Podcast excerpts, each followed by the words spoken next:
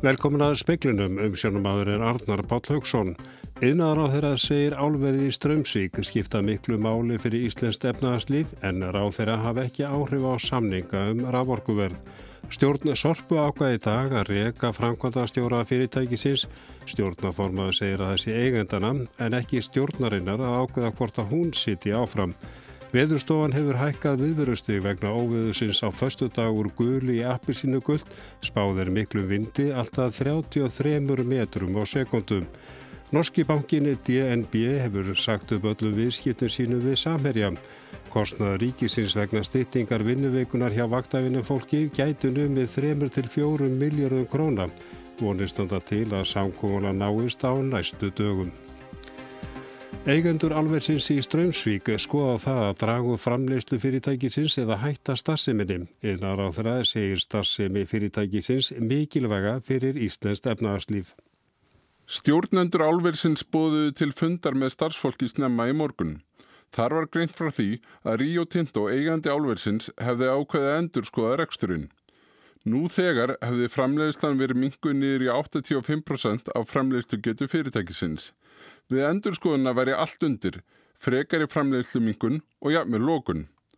Ástæðar ekstra vanda fyrirtæksins er sögðu vera ósamkemnisæft orkuverð og láttverð á áli. Hörður Arnarsson, forstjóri landsvirkjunar, sæði í hátegisfröttum útvars að hann teldi samninga um álverð vera sangjarna. En landsvirkjun eigi í viðræðum við fyrirtækið til að fá sameilega sín á stöðum ála. Um 500 manns starfa hjá álverðinni í Strömsvík. Rósa Guðbjörnsdóttir bæjarstjóri í Hafnafyrði segir rekstur álvið sem skipta miklu máli fyrir bæin og Þórdís Kolbrún R. Gilvadóttir yðnar á þeirra segir fyrirtæki skipta miklu máli fyrir Íslands efnaðarslíf. Lokun þess myndi hafa mikil áhrif. Þetta er einn mikilvægast og verðmættasti viðskiptavinnur landsverkinar. Við vitum að þarna starfa mörg hundru manns uh, og, og óbeinir hérna starfsmenn sömu leiðis, allir þeir sem að þjónusta og svo framvegs, útfluttisverðmættin, þetta hefur það tölver áhrif en, en ég líti ekki svo á við séum að, að e, ræða það á þessu stíi, heldur er ákveðin vinnafarin í gang og, og, hérna, og við þurfum að gefa þeim tíma til þess að vinna úr því. Segir Þórdís Kolbrún Kilvadóttir innar á þeirra, Jón Hákon Haldursson talaði við hana. Byrni Há Haldórsinni, framkvæmtastjóra Sorpu, var sagt uppi því ekki var trúnaðar millir hans og stjórnar, segir Birgir Jón Jónsson, stjórnarformaður. Björn segist harma uppsögnuna í yfirlýsingu og að heiðarlega hefði verið fyrir stjórnina að líta í eigin barm og axla sjálf ábyrð. Birgir Jón segir ekki stjórnarinnar heldur eigenda fyrirtækisins að ákveða hvort stjórnin siti áfram. Hann segir uppsögnina byggða á skýslu innri endurskoðunar Reykjavíkuborgar. Og það leytti það af sér á endanum að það ríkti ekki trúnaður á milli stjórnar og frangandastjóra. Þið eru búin að ákveða mann tímabundið? Já, Helgi Þór Ingarsson, verkfræðingur mun leiða félagið næstu mánuði. Í skýrslu innri endurskoðunar kom líka fram gaggrinni bæði á stjórnina og eftirleitslutverk eigenda sorpu hugleitu þið eitthvað að stíka til hliðar? Já, við horfum með gaggrínum augum á okkar störf og eh, nú tel ég að það sé ekki rétt að stjórnin sjálf skoði sín störf eh, í ljósi þessarar skýrslu. Heldur er eðlilegt að eigendur taki það til efninslegar meðferðar en hins vegar er það svo að við þessar aðstæður tel ég bringt með nýráðin framkvæmtastjóra. Það síni ábyrð að halda áfram með framkvæmtastjóranum að leysa úr þeirri floknu stöðu heldur en að hoppa frá borði. Þetta var Birgir Jón Jónsson í vitali við Þórdísi Arljósdóttur. Veðurstofan hefur hækkað viðvörnasteg vegna óveðusins á förstu dag úr gulu í appil sínu guld. Elin Björg Jónasdóttir viðfræðingur er komninga til minn. Já, spáin á förstdaginn virðist vera að ganga eftir. Já, hún hefur ekki breyst neitt að ráði síðustu daga og þess vegna treystum við okkur til þess að gefa út e, appelsínugulan í dag þó að þetta sé ekki fyrir ná fyrstu dag. En já, hvernig og hvar finnum við fyrir þessu veðri? Það er spáð mjög miklum vindi, vindi á landinu, eh, alltaf 33 metrum á sekundu viðtækt á Suðurlandi, Vesturlandi, Vestfjörðum, aðeins minni vindi kannski á norðaustanverðu landinu en, en þó það að, að við sáum ástæð til að vara við því. Þetta verður náttúrulega fyrst og fremst um, hætta á fóktjóni, uh, allar samgöngur koma til með að raskast flugleikur niður í og annars líkt á þessum tíma en svo snjóar líka mikið á Suðausturlandi og, og allvíða á Norðurlandi og Vestfjörðum. Það gæti orðið ófært allavega á heiðum. Já og, og uh, vegagerðin kemur til með að kynna lókunar á allina morgun. Það verða, bara, vegum verður lokað í þessu veðri. Takk að fyrir. Norski bankinni DNB hefur sagt upp öllum viðskiptum sínu við Samherjan. Þetta staðfesta heimildamenni tengdir bankanu við rúf. Ástæðan er aðkoma Samherja í spillingamálum í Namibíum. Eftir að samherjaskjölinn komið fram í dagsljósið hóið DNB innan hús rannsókna á málunum, hérstinni brotin fórstjóri DNB saðist líta það alvarlegum augum og útlokaði ekki að bankin hafi verið misnotaður. Fjármálar á þeirra Noregs kalla eftir því að bankin legði öll spil á borðið. Björgólfur Jóhansson, starfandi fástur í Samherja, segir í samtali við fréttastofu að við skýtum við norska bankana hafi verið hætt um áramótin. Þetta hafi ekki tröflandi áhrif á starfsemi Samherja á nokkur nátt. Fyrirtækið hafi verið í samskiptu við bankan í nokkur tíma og frá því í nógumber hafi verið unni að því að DNB er ekki hluti af bankavirskiptum Samherja. Tengslinn hafi verið lítili þegar þeim var endalega slitið. Viðskipti Samherja við aðra banka séu óbreytri mynd. Saminuðu þjóðunar byrt í dag lista yfir 112 fyrirtæki sem starfa í landtökubygðum Ísraela og herrtegnu svæðunum í austur Jérúsalem, á vesturbakkanum og á Gólanhæðum. Ísraelsk stjórnvöld fordæma byrtinguna en henn er fagnað í Palestínu. Mannreittindastofnun Saminuðu þjóðana tók listan saman. Á honum eru 94 fyrirtæki með heimilisfestu í Ísrael, hinn í Bandaríkjónum, Breitlandi, Fraklandi, Hollandi, Tælandi og Luxemburg. Meðal þeirra eru matfælafyrirtæki General Mills, Airbnb, Booking.com, TripAdvisor og Motorola. Ísraelskir ráþærar, þar á meðal Ísrael Katz, utanríkis ráþæra, fordæmdu byrtinguna. Katz sakaði Michel Basilett, mannréttindastjóra um að ganga erinda palestinsku sniðgöngur hefingarinnar BDS.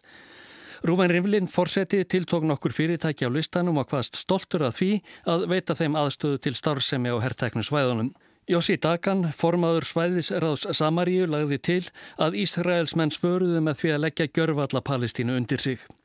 Heimastjórn Palestínu fagnaði byrtingu listans.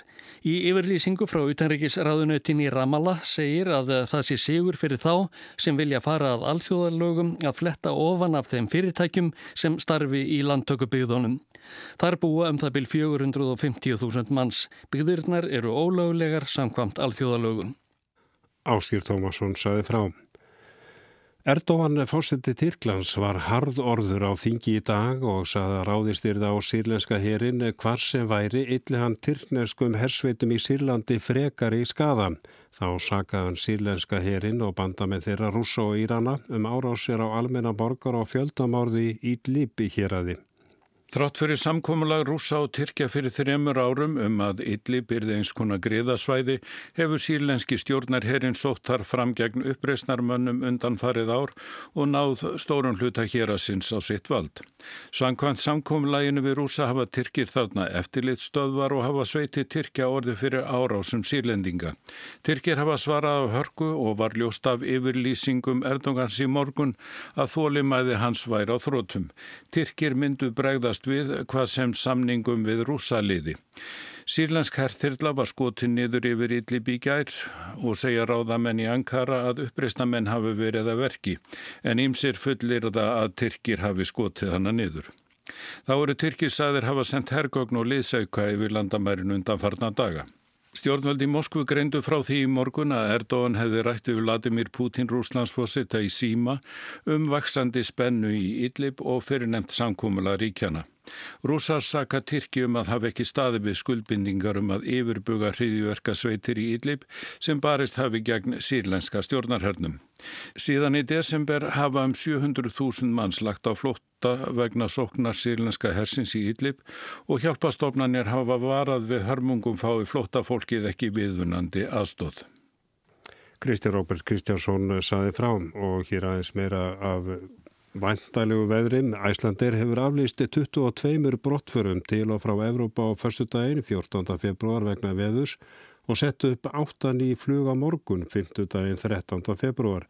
Allt flug til og frá bandaríkjanum á Kanada er enná áallun á förstu dag eins og staðan er núna. Kostnaður ríkisins vegna styttingar vinnuvikunar hjá vaktafinu fólki gæti numið nokkurum miljörðum króna. Stytting úr 40 stundum í 36 þýðir að manna þar sem nefnur 459 stöðugildum.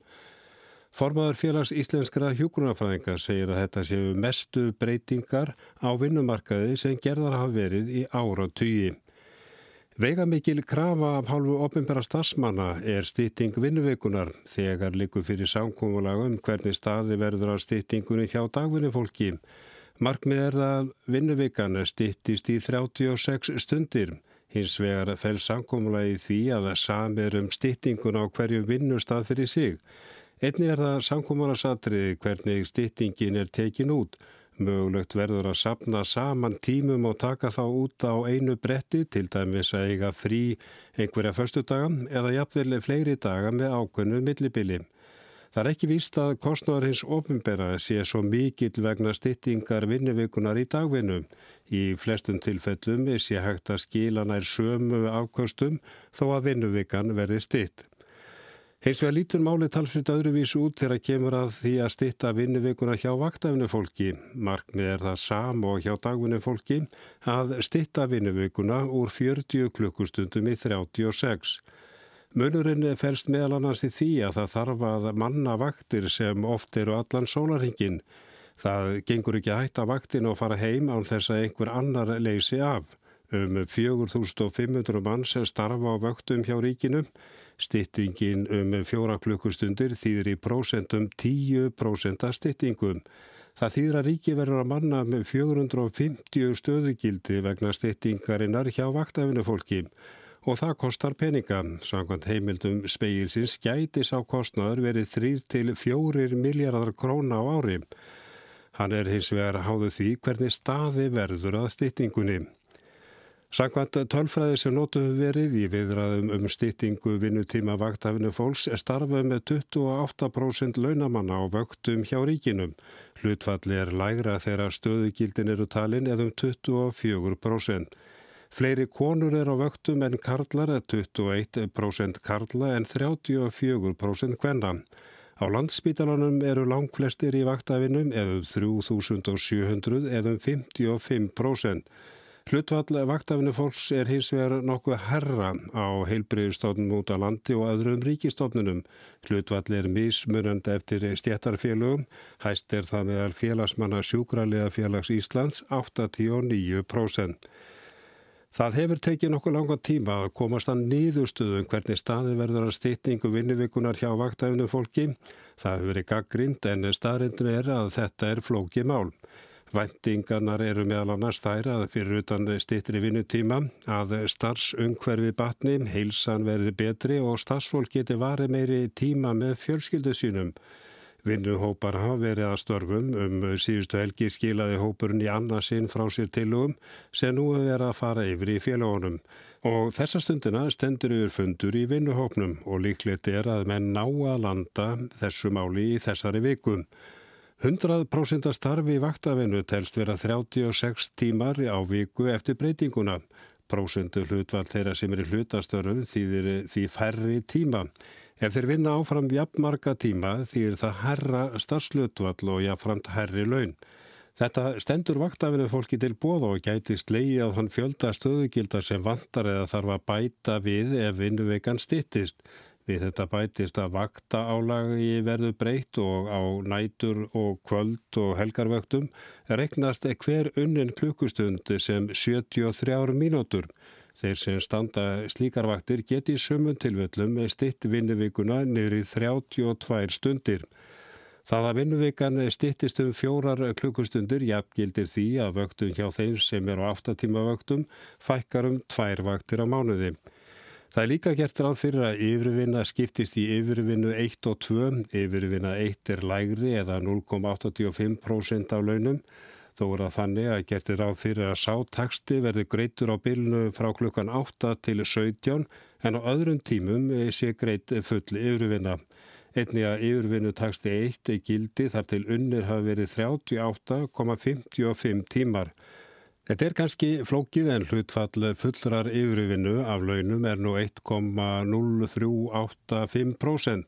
Með breytingunum er verið að draga úr yfirvinnum eða reyna það. Í núverandi kerfi eru greiti nokkrir miljardar króna í yfirvinnum. Þeir sem er í hlutastarfi og vinna umfram starfslutvallið fara strax á fulla yfirvinnu. En Guðbjörg Pálsdóttir, formað félags íslenskra hjúkunarfræðinga, segir að þetta séu mjög miklar breytingar á störfum vaktafinu fólks. Þetta eru mjög miklar kerfisbreytingar uh, meira við höfum séð í marga, marga áratýji og ég tel að það sé allt til vinnandi að við náum saman í þessu máli. En hvers vegna segir þú það að þetta séu svona miklar breytingar? Hvað fælst í því eða hvað, hvað græðir, já, launafólk á þessu? Sko ég til auðvitað bara bæð, báða eru næðilega græða þannig að við erum að tala um að styrta vinnvíkuna, við erum að tala um að fá betri aðgrinningu millir engalífs og vinnu Við erum að tala um, og nú tala ég um fyrir mínastjætt, uh, eh, hjúkunarfræðinga, að draga úr þessari endalösu óskiplögðu yfirvinnu og við höfum mjög mikla þörf fyrir að ná betri stjórn á vinnu um hverfinu. Þetta er eitt af því. Uh, eflust er það sama með launagreðendur að þeir eru að borga vissar fjárhæðir alltaf í yfirvinnu sem er í ýmsum toga. Uh, akkur ekki að kalla bara hlutina það sem þeir e-, eru. Til dæmis eins og ég segi, hver er skilgreiningin á yfirvinnu, fyrir hvað þeir var að borga yfirvinnu, er það fyrir það að koma óvænt til vinnu? Og, og þegar að það eru veikindi eða hvað það er, eða er það að borga eitthvað ofan á matar og kaffetíma fyrir refsigreðslur út af breyting á vöktum eða hvað það er. Þetta er allt hluti sem við erum búin að vera að taka undir í þessari umræðu og erum að gjör bylta í heilsinni. E, þetta eru veikla breytingar og uh, það þarf ekki vísindamann til að sjá það að þetta kallar á fleira starfsfólk, uh, já til dæmis í hjókunarfræðinga, það er skortur á þeim, er þetta gerlegt bara út frá því séð? Já, já, þetta er alveg gerlegt út, út frá því. Það er bara búin að vera skortur á hjókunarfræðingum í 75 ár og ég ætla nú manna helst, ég ætla nú ekki að gera lítið úr því, en jú, auðvitað þegar að svona er og vikan er stitt, að þá verður mönnunagatti svo kallaða jafnvel meira. En við líka bindum vonum við að fólk sjáu þá tækifæri til að auka við sér vinnuprósendu það er að segja þú ert með stittir í vinnuviku en á móti getur auki við e, vinnuhlutfallið sem stoppar þá upp í þetta gat þannig að í rauninni ertu með sama vinnuhlutfall þú ert í dag fyrir herri laun. Þetta var Guðbjörg Pálstóttir.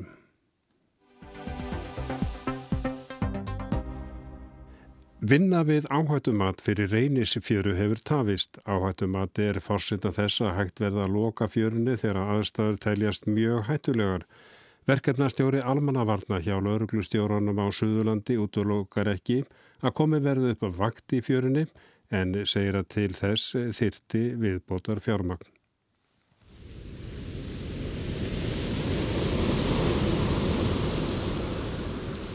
Það var orðið nokkur banaslýs í reynisfjöru. Ferðamönnum stendur ógn af kraftmiklum útafsöldum sem geta læðst upp að þeim og hrifið á með sér langt á hafút og þá getur fallið grjót úr reynisfjalli ofan fjörunar.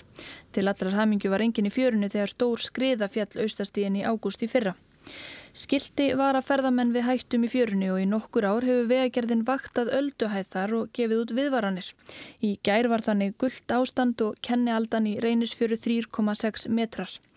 Upplýsingarnar um ölduhæð og hættu hverju sinni eru aðgengilegar á undirsýðu vegagerðarinnar en tilstendur að koma líka upp viðvörnarljósi í reynsfjöru. Speillin rætti í gerð við leiðsögumann sem um liðna helgi bjergaði tveimur ungum börnum úr sjónum við reynsfjöru. Leiðsögumadurinn telur að ferðamenn gerir sér litla grein fyrir hættunum í fjörunni, þeir geti auðveldlega hunsað viðvörunarskildi og gefið þeir skiltunum gaum sé ekkert víst að þeir skilji við hverju sé verið að vara. Skýringar mynd af svo kalluðum ólagsöldum eða sníkarveif skefi óljósa mynd af fyrirbærinu. Það er mat leiðsögumann sinns að koma þurfu upp gæslu í fjörunni. Við erum í þeirri frábæri stöðu í rauninni að allir ferðarmenn sem vilja sjá svartan sand á Íslandi fara nánast á þennan stað.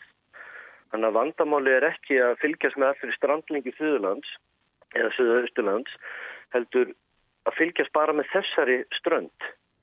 Þannig að ég held á endanum, burt sér frá því, ég ætla ekki að fabulera hver á fjármagna það eða neitt svo leiðis, en það þarf að vera gæsla hérna, það þurfa að vera verðir hérna.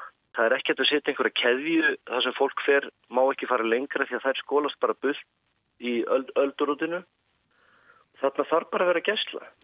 Þeirra kynnti ríkistjórnini uppfærða öryggis áætlun fyrir reynisfjöru í november síðastlunum.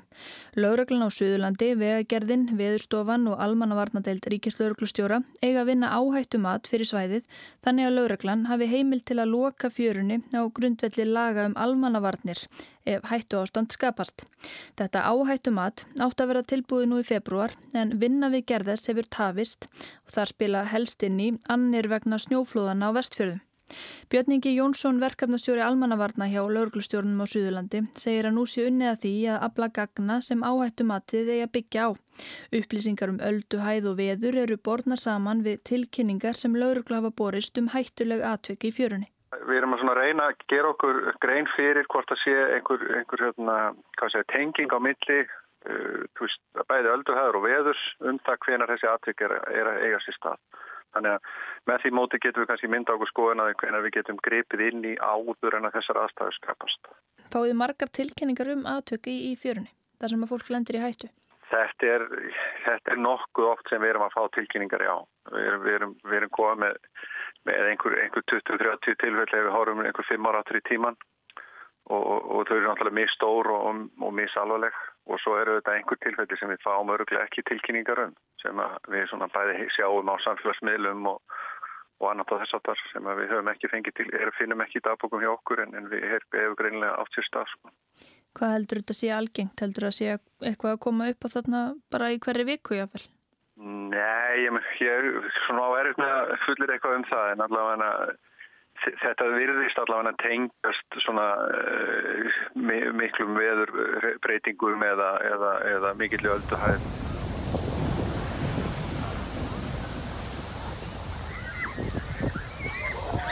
Oh my god! Oh my god! Oh my god! Vinnu við að setja upp skildi með viðurunaljósum í fjörunni er ólokið en Björningi segir drög að hönnun þess leikja fyrir. Raukt ljós á að gefa til kynna að fólk þurfa að fara sérstaklega varlega þann daginn. Við erum svona kannski að byggja undir með vísindalegum gögnum hvenar við ætlum að láta ljósi loga, hvenar kveiki við raukt ljós eða, eða, eða gullljós eða þannig að við höfum eitthvað á baku okkur þegar við erum að segja nú sé ástæði til þess að vara sérstaklega við aðstæðan. Aðstæður eru náttúrulega alltaf varhauverða það nýfjörunni. Áhættum þið á að gera lauruglu klift að meta við hvaða aðstæður er rétt að loka fjörunni alveg í því skinni að komi vekk fyrir slísið að döðsföll. Björningi segir ólíklegt að það er eftir að koma oft til slíkra lokana, kannski 5 eða 10 sinnum á ári. Þetta verður svona eitt og eitt tilviting sem þetta gerist og við erum líka að skoða partur af þessari vinnu okkar er kannski aðeins að horfi það hvaða hugsanlega móta þess að gera væri hægt að gera til þess að þá kannski fælka þessum dögum er hægt að að búa til einhver umgjör sem að kemur í veg fyrir að fólk fari eins nála tjörunni eða veist, þetta er alltaf svona bara uh, grunn hugmyndavinnu ennþá. Og við stefnum á fund með íbúum og landegundum í, Víki Myrdal núna í februar þar sem við ætlum að ræða þessi mál og fara yfir og, og fá sjónað með þeirra Landegendur eru mjög margir þarna. Kennitölunar eru 92 og einstaklingarnir að baki þeim enn fleiri. Björningi segist ekki vita hversu sammála landegendur séu um aðgerðir í fjörunni. Það kom í ljós á íbúafundinum og fleiri fundum sem verði hugsanlega haldnir með landegendum í kjölfarið. Ekki hefur verið rætt hvort eigendur þurfa fjármagna uppbyggingu en Björn segir að það séu ímist tækifæri til að fjármagna aðgerðir í þáu aukins öryggis, til dæmis með framlögum úr framkvæmdasjóði ferðamannastaða. Hann segir komandi greina að setja upp ný viðvörunaskildi með nákvæmari leifinningum. Þannig að þau, þau komi skílabónum sem allra allra besti skíla og þau svona skildi þurfa reynda líka alltaf að vera í ákveðin endur sko uppfæslu og, og, og aðlugun og tróði bara breytum ferramannaströðum og markkópi sem sækir svæði í hvers skipti. Kemur til greina að vera bara með vakt á svæðinu? Það er alveg, það er hugsanlega einlegin sem að geti komið til en, en það er enn og aftur hver á, hver á að gera það og hver á fjármagna það og, og það er, það er alltaf spurningin. Björningi segir stemt að því að leggja frum drög að áhættumati fram í lók februar eða byrjun mars. Það verði hægt að setja viðvörunarljósið upp og taka áhættumati í gagnið um leið og draugin verði samþygt. Það er alveg fórgangsmála að klára þetta hættumat og, og, og vinna svo með eigandum að því hvernig við leysum og hvernig við komum að úrlausninni á verkefninu. Já. Saði Björn Ingi Jónsson, Arnildur Haldunadóttir tók pistilinn saman og þá til Noregs. Norrmenn telja ríki og þjóðstafi stöðut meiri ógn frá Rúslandi og raunar frá Kína líka. Hún rússa gríla er vöknuð og fer með vaksandi látum um norðurslóðir segja yfirvöldi Nóri. Ný vopn eru kynnt til sögunar og rússar ítrekka eversendi sínar um stjórn normanna á Svalbardða. Mörg tilvik hafa leitt til þess að norðmenn er ekki lengur eins vissir um frið á norðurslóðum og þeir voru fram á síðustu ár. Leini þjónusta norska hersins kynnti nú í vikunni matsitt á öryggiríkisins og hvaðan ókn stafaði. Rúsland og Kína eru nefnt sérstaklega til sögunar. De faktorene som i størst grad preger trusselbildet mot Norge og norske interesser er nært knyttet til Russland og Kína. Noregi stendur öðru fremur ógna af Rúsland og Kína, saði yfirmaður leini þjónustunar Morten Haga Lunde þegar árleg skýsla um öryggi þjóðarinnar var kynnt. Slikt mat hefur lagt fram árlega síðustu tíu árin en núna snýrist allt um ógnina frá Rúslandi og Kína en ekki að sama skapi almennt um hættu af hriðjuverkum og öfgahópum. Og Kína er nefnt sérstaklega núna og hugsanlega samvinna kínveri og rúsa. Tölvu kunnátt að kínverja vekur óta. En rússar eru næstu nágrannar og landamæri ríkjana likja saman í norðri á milli Finnmerkur og Kólaskaga. Norðmenn segja rússar vopn búist nú markvist á Kólaskaga. Þeir reyni ný vopn þar á meðal eldflögar sem eiga standast loftvarnarkerfum NATO snúning. Þeir eru og að prófa nýjar gerðir af kafbátum sem ætlað er að hafast við í hafdjúbónum suður á Allandshafi mánuðum saman án þess að koma í heimahöfn. Þannig mætti rjúfa siglingaleiðina á milli Noregs og Ameríku en norðmenn rekna alltaf með að bandarækjumenn komi til hjálpar verði ráðist á norðun Noreg. Og rússar hafi vetur emt til mikillar heræfingar úti fyrir Noregströndum. Tekni þessa átt hafa menn séð síðustu ár en nú er ofinberlega talað um óknúr austri. Þetta á sér margar byrtingamindir. Eitt er að rúsa lýsa sérstakri óanægi með stjórn norðmanna á Svalbarða. Núna eru hundrað ár liðin frá því að Svalbarðasáttmálinn var undirritaður og norðmenn fengu yfir á þeir eigaklasanum gegn því að allir aðilara samningnum hefur rétt til að nýta þar auðlindir. Núna notaði Sergei Lavrov, utaríkisráþara Rúslands, afmæli til að kvarta undan stjórn norðmanna á Svalbarða og allslags mámuna sem er frænda okkar við eftirlit þar. Rússar mætti ekki einusinni fljúa þar um á þyrlum og sættu stöðugt meiri takmörkunum í nafni náttúruvendar. Þeir reka þar kólanámu. Vildi Lavrov frá svörfi hverju þetta sætti en norðmenn hafa engu svarað og vona að málið gleimist. Þetta er samskona núningur og hefur verið á milli Íslending á norðmanna um fiskveðar þar norður frá með hótunum um að fara með ágreining fyrir alþjóðadómstólinn í hag. Og þetta er ekki allt því norðmönnum hefur einni orðið á í samskiptum sínum við rúsa. Norðmenn hafa haft uppi hálf barnalega tilburði til njóstna í Rúslandi. Landamæravörðurinn Fróði Berg kom nú í vetur heim eftir tveggja ára dvöl í fangelsi í Moskvu einmitt fyrir að hafa átt að kaupa hernaða leindarmál í Rúslandi og koma þeim yfir til Noregs. Þetta voru leindarmál um kafbátana hættulegu sem rússar er að þróa. Norska ríkið greiði nú fróða jafnverði 60 miljána íslenskla króna í bætur fyrir ónæðið. Og núna vilja starfsmenn í norskri steipustöð líka fá bætur vegna þess að þeir voru útilokaði frá að selja steipu í Rúslandi. Rússar komust að því að steipukarlarnir áttu bæði að steipa og njóstna. Svona vex núningunum stöðugt millir grannana í norðri og núna bætist óttin við að kínverja leggist á sveið með rúsum og noti fymtu kynsluðar farsímakerfið til að njóstna í Noregi í þá rúsa. Gísli Kristjánsson í Noregi saði frá og við sögum frá því speklunum að það er spáð slemmu veðri á förstu daginn kemur. Viðvörun er nú appi sínu gul. Æslandir hefur aflýst 22 brottverðum til og frá Evrópu á förstu daginn vegna þessa veðurs og sett upp 8 nýflug á morgun. Allt er flug til og frá bandaríkjunum á Kanada er enna á allun á förstu dag eins og staðan er núna. Og við sagum líka frá því að stjórn uh, Sorpu ákvæði dag að reyka framkvæmda stjórað fyrirtækisins. En það er ekki mikið fleira í speklunum í kvöld, tæknumar og af David Bersen verið í sæl.